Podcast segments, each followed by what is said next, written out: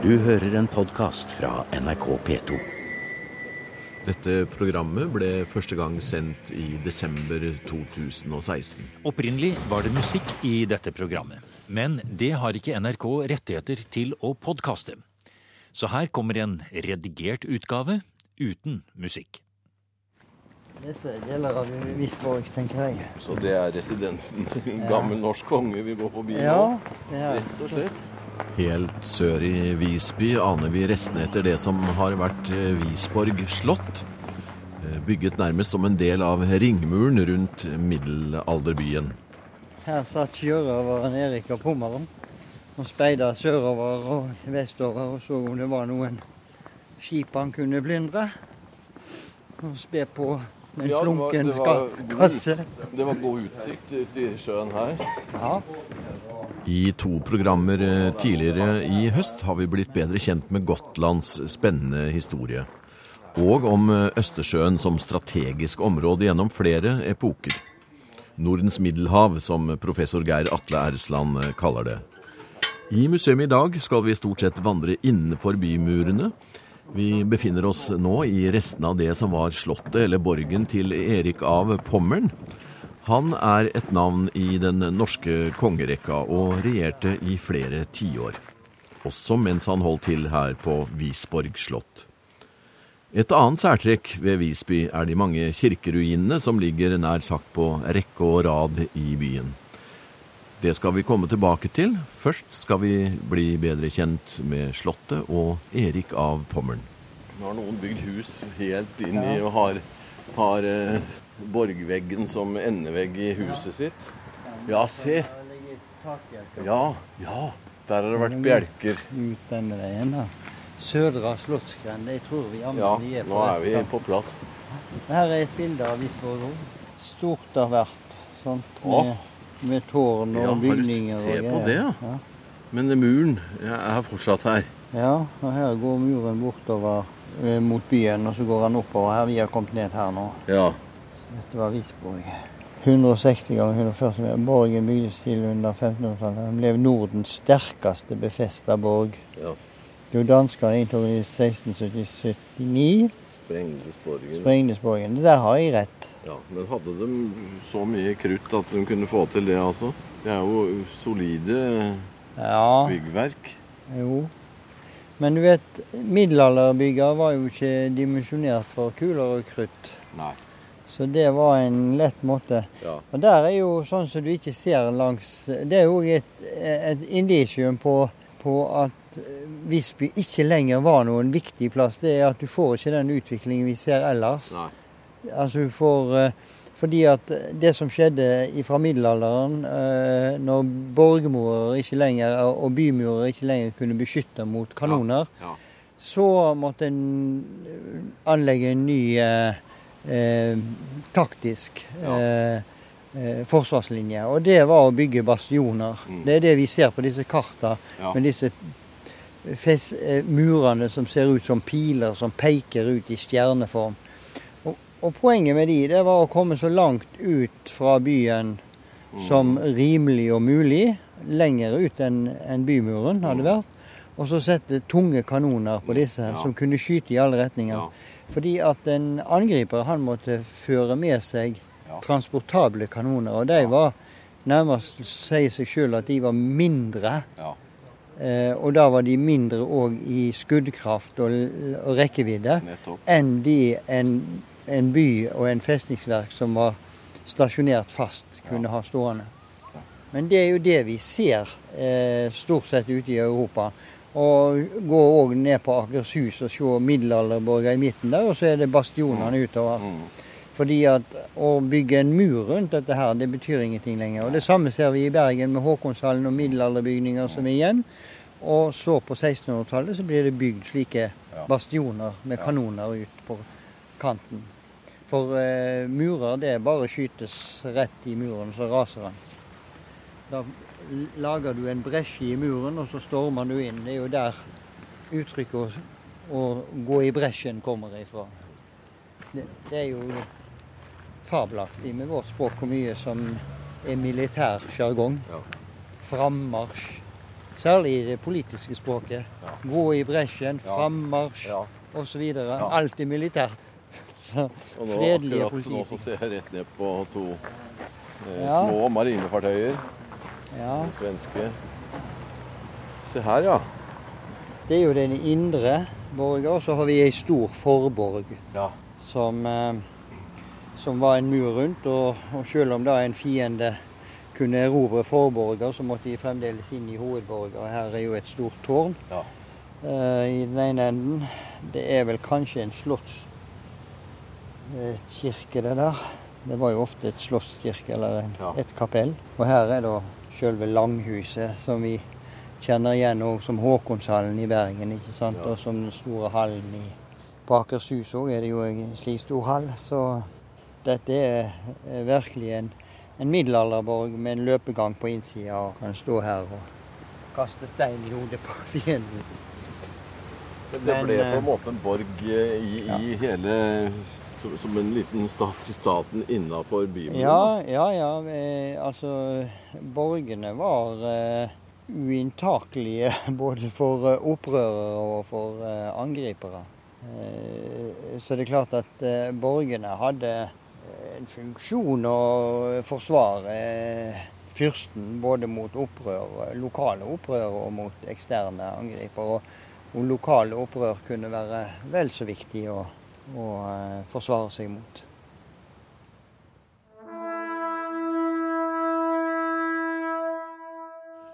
Museum er i Visby sammen med professor Geir Atle Ersland ved Universitetet i Bergen. Middelalderhistorie er hans eh, spesialfelt, og nylig ble han utnevnt til landets første UNESCO-professor. Og Visby er jo på Unescos verdensarvliste. Akkurat nå står vi i det som en gang var et stort slott, eller borg, hvor Erika Pommern holdt hus. Han er i den norske kongerekka og regjerte fra 1389 til 1442. Det at han hører til den norske kongerekka Erik av Mm. Pommern, det, er, det, er litt sånn, det er litt fremmed. Eh, Ja, men han var jo en slektning av eh, dronning Margrethe. Han var den nærmeste i arverekkefølgen. Ja. Eh, og dronning Margrethe var jo eh, blitt eh, eh, ikke reg, Hun var jo regent, eller hun var tatt til eh, rette husbond, som det Ja, står, av ja. eh, både Danmark og Norge og Sverige. Altså, de hadde tatt henne som sin regent. ja. Og da var det hennes nærmeste arving òg som sto nærmest til å, til å arve unionskongedømmene, eller Så det kan virke som det var sånn dobbeltskap at både hun Ja. og han regjerte samtidig. Ja, For når hun døde, så tok jo han Ja. over, og da var vel han blitt voksen. ja, det er i 1412. Men hun styrer jo de facto så lenge hun lever. Ja. Men, men altså, Erik er jo en uh, langtregjerende monark, for å si det sånn, da. Det er jo et langt kongedømme han Ja. egentlig har, Ja. og han blir jo da avsatt. Han, han, han blir nok behandla som som en ikke særlig vellykka konge, men eh, Men han er jo egentlig, syns jeg, en, en veldig spennende figur. Og, og eh, han, han var jo bl.a. opptatt av, av eh, byutvikling. Det er jo han som bl.a. gir nye privilegier til Stavanger i, i Norge i 1425. Og han sørger for at København blir en, den kongelige residensbyen. Det hadde jo bare vært en, en liten handelsby i Øresund, som rett nok var i god vekst på 1400-tallet. Men, men hadde jo ikke vært noen kongeby. Den tilhørte jo biskopen av Roskilde. ja. På samme måte som Stavanger tilhørte biskopen av Stavanger. De er faktisk veldig like politisk sett i middelalderen, de Ja. to byene der. Men han var ikke mye i Norge. Nei, han var vel på den ene turen der, eh, der han får beskjed om å være forsiktig med nordmenn, og, for de er enfoldige og må behandles med respekt. Vi skal her eh, bare nevne at eh, Erika Pommern ble hyllet i Nidaros 8. september i 1389, og påskedag i 1392 ble han kronet til norsk arvekonge. Det skjedde i domkirken i Oslo av biskop Vinal Henriksson. Og for ordens skyld, Pommern er de nordlige områdene i Polen og Tyskland opp mot Østersjøen. Om Gotland, som vi nå er, så mente kong Erik 3., som han ble kalt, at øya var å regne som et eget land. Eh, og I moderne historieskriving og i historiebøker så står, blir jo dette kalt for den danske tida. da. Eh, nærmest som om Danmark eller danskene okkuperte det som var et svensk landskap. Men eh, en kan jo òg argumentere for at Gotland, om ikke var utenfor Sverige, så var en lite integrert del av Sverige. Og da var det jo òg slik at eh, øya ble jo sett på bl.a. av den store unionskongen Erika Erik Pommern som et eget eh, område som var, kunne sammenlignes med, med, Danmark og Norge og Sverige. Og eh, Erika Pommern så på dette som en veldig verdifull del av sin eh, union, den såkalte Kalmarunionen. Ja. Og da den gikk i oppløsning på eh, slutten av 1430-tallet, først ved opprøret i Sverige og så i Danmark, og til slutt så sa jo nordmennene òg opp sin troskap til unionskongen Erik. Ja, så hadde jo Erik slått seg til her allerede i 1437, og der ble han værende over et tiår, fram til 1449. Eh, og dreiv eh, Det er jo da han skal ha drevet som sjørøver i området. da. Selv om sjørøver høres jo litt sånn eh, rart ut i dag, så er det klart at i seinmiddelalderen så var sjørøveriet utbredt som en form for krigføring. Vi vet jo at det var leiesoldater til sjøs, som ofte blir kalt for sjørøvere. Og de ble jo brukt av forskjellige stridende parter, leid inn for å, for å føre deres sak. Men ellers i fredstid så drev de jo kapertrafikk mot handelsskip i området, da, og det har vel kanskje òg Erik av Pommeren gjort. Så i 1449 så sørger Kristian 1. for at, at Erik da eh, reiser tilbake til sitt heimland Pommern. Og der lever han i ti år til, fram til 1459, da han dør.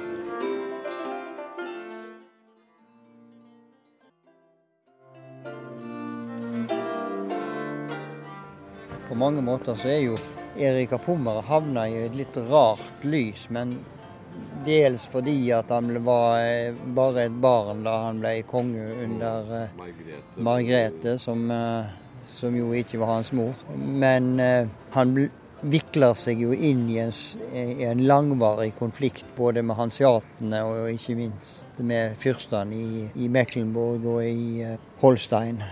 Og eh, denne krigen varer jo fram og tilbake til helt ut på midten av 1400-tallet. Og da har på en måte glipp slipper kongerikene i unionen ut av hendene på han. Men han ser altså på Gotland som sitt siste område, og der setter han seg ned. Så han har nok eh, setter, ikke sett eh, Gotland nødvendigvis som en del av Sverige, men som en egen del av unionen, som han kunne styre. Her er det jo slåper som ikke dere har på Vestlandet. Nei, men hva er det? Det er slåpebær. Dette? Ja, men i, i... Jeg tror det var ikke de, nei. Nei, men eh, du kan jo bite i det. Det, det sure slåpen. Men du, 1400-tallet og Norge det er, Jeg vet ikke mye om det. Hva, hva skjedde? Hvilket... Ja, hva skjedde i vår heimelige ja. 1400-tallet er jo interessant på mange måter. Det er jo befolkningsmessig antageligvis det all time low siden lenge før vikingtida, kanskje. Eller kanskje ikke så men i, siden tusentallet. 120 30 000 mennesker, kanskje. Del av Kalmarunionen eh, kommer på etterskudd. Det er Norgesvelde fins ikke lenger. Mektige, ideen om det mektige norske kongedømmet er, eh, er, det ingen som bærer på lenger. Eh, Sverige og Danmark er i makt og økonomi langt foran. I Norges største by, der eh, sitter hansiaterne og driver en stor handel og får skylda for å stikke av med det meste av inntektene. Det kan jo diskuteres i moderne historie om det var sånn, da. Men, eh, men det er klart at eh, Norge spiller absolutt en underordna rolle i disse konfliktene. Og derfor er jo kongene der aldri heller. Altså etter unionstida så er det jo sjelden at en konge de dukker opp i Norge. Det er stort sett for å la seg krone til norsk konge i Nidaros.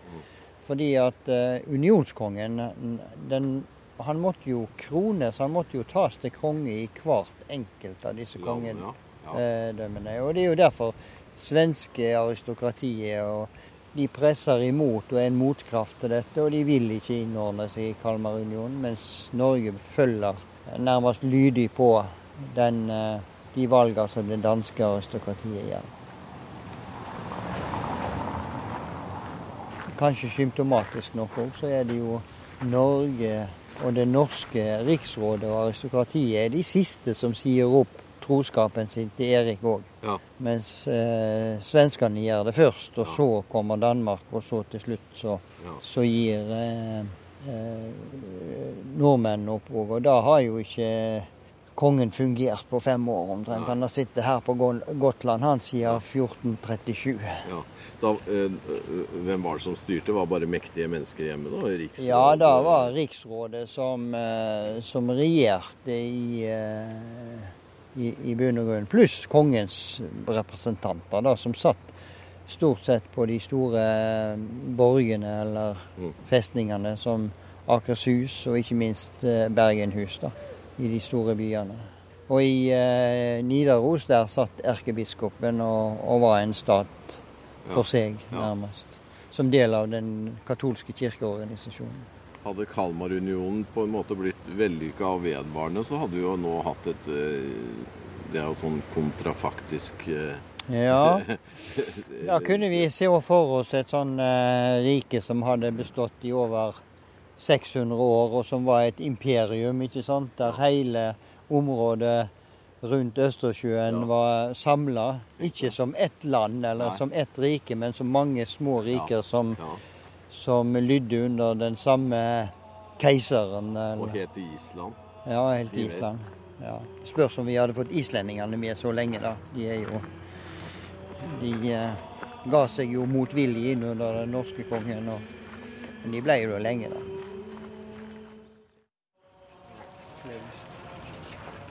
Visbyguiden så det, men vi finner ikke.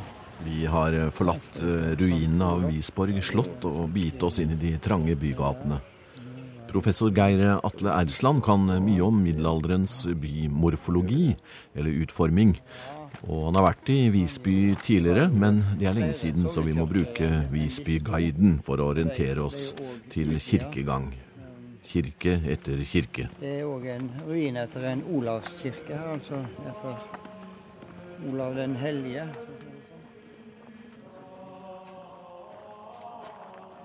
Hvis vi da ser på eh, kartet over Visby, og vi har vært nede ved havna Ja. og sett at der var de store, rike kjøpmannshusene med tilgang ut på bryggene og til skipa som lå der.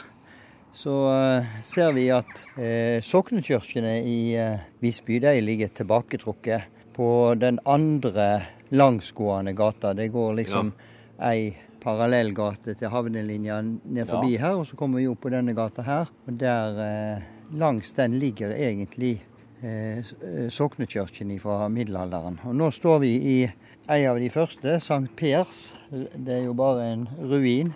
Eh, den var kanskje en av de første som ble bygd eh, i Visby. Og, men den ble senere utvida, og ruinene som står igjen, viser jo Ja, rester her eh, reiser det seg opp eh, en del av Det begynner å bli en bue oppå der, ser jeg. Ja, det er store greier. Og den er òg bygd sammen med ei annen kirke som het Sankt Hans. Den kom litt seinere. Og antageligvis var denne Det er den der. Ja. ja. Det interessante her det er at hvis vi ser denne som den, mest, den som ligger lengst eh, mot sør ja. av disse sognekirkene, så, så ser vi at eh, i nord så er en av ei som ble bygd samtidig, Sankt Clemens. Den er da den nordlige sognekirka. De ligger alle langs denne gata her. Disse to eh, eldste soknekirkene er da altså eh, nevnt, eh, eller har fått navn etter de eldste biskopene på bispestolen i Roma, det som etter hvert blir pavens sete. Og Det er interessant å se at de ligger i, i hver sin ende her. Og Hvis vi ser på byen for øvrig, så kan vi tenke oss at utstrekningen til byen den gangen, på 1100-tallet, når disse soknekirkene ble oppretta, de, de ligger da i, innenfor muren, godt innenfor muren, men de har en avstand imellom, så vi kan tenke oss at så stor var byen den gangen. Ja. Så hertil gikk bebyggelsen i sør, og Ja. der til St. Clemens i nord. Nettopp. Når vi kommer til slutten av 1200-tallet og bygger bymuren, så har byen vokst my seg mye større. Ja. Og da eh, føl, eh, danner den liksom en ytre ring som er mye større enn ja. Det området som de opprinnelige soknekirkene danner. Og Derfor så blir det òg behov for flere soknekirker. Det kan jo være en forklaring.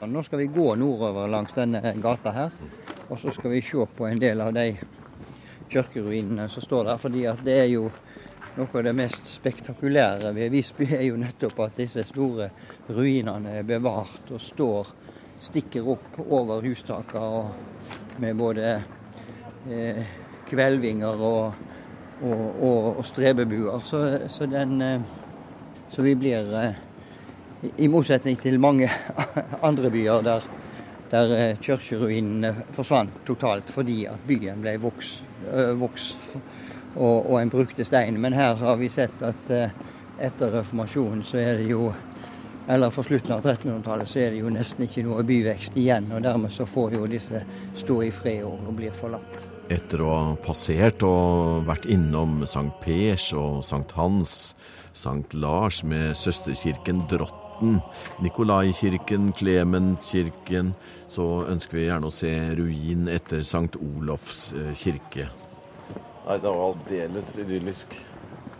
Der var de trange smuga eller gatene. Der er Sankt Olav. Den Ja. er innklemmet. Skal vi se om det er en port her. Her er det en port.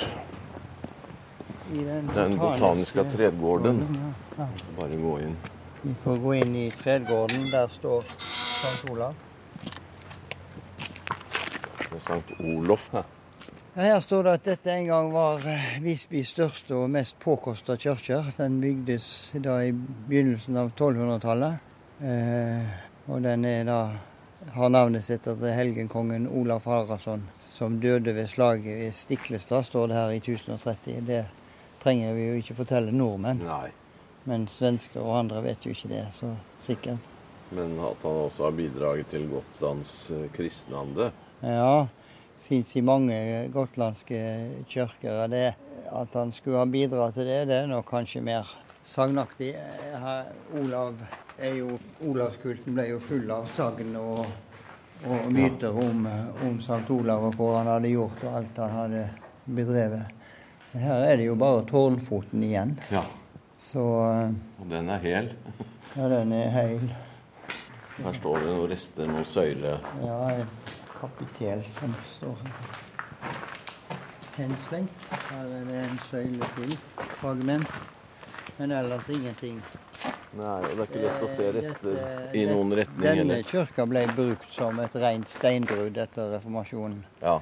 Så mange av husene rundt her er nok eh, bygd på eh, Har sine grunnmurer. ja, grunnmurer og for så vidt Ja. eh, hovedmurer òg etter St. Olav. Det er frodig oppå taket her. Det står en en saftig lerk Ja. rett til høyre for oss her. Også, men oppå toppen så er det Det ser jo ut som misteltein. Ja, det gjør det. Ja, men da skal vi eh, Dette var jo ei av de soknekirkene som kom i tillegg, da. Det er òg en Mikaelskirke som sto oppe her. Eh, den eh, Der skal vi gå opp, men den fins det ingenting igjen av. Men vi skal gå opp på den. Eh, for det er liksom ut, utsiktspunkt over Risby, da, oppe på Klinten eller berget. Skal en da få se utover middelalderbyen og se utover Østersjøen, rett nok mot Sverige. Og sørover så, så er det her, Ja. på berget bak Mariakirke. Bare se etter de svarte tårna og så gå i den retning. Så er det rett Ja. bak. I Da ser vi- Fantastisk. Ja. Og sjøen går hvit, så, så det er god seilevind i dag, ser Og jeg. nå ser vi Ja, sørover. Sør Vest? Ja, sør, ganske rett vest, tenker Ja, jeg. ja. Klokka er vel tolv eller noe der Ja, omkring, så det er det rett snart. sør. Ja, den er snart halv to, faktisk. Ja. Men her ser vi jo òg de store kirkeruinene som stikker opp over hustaka.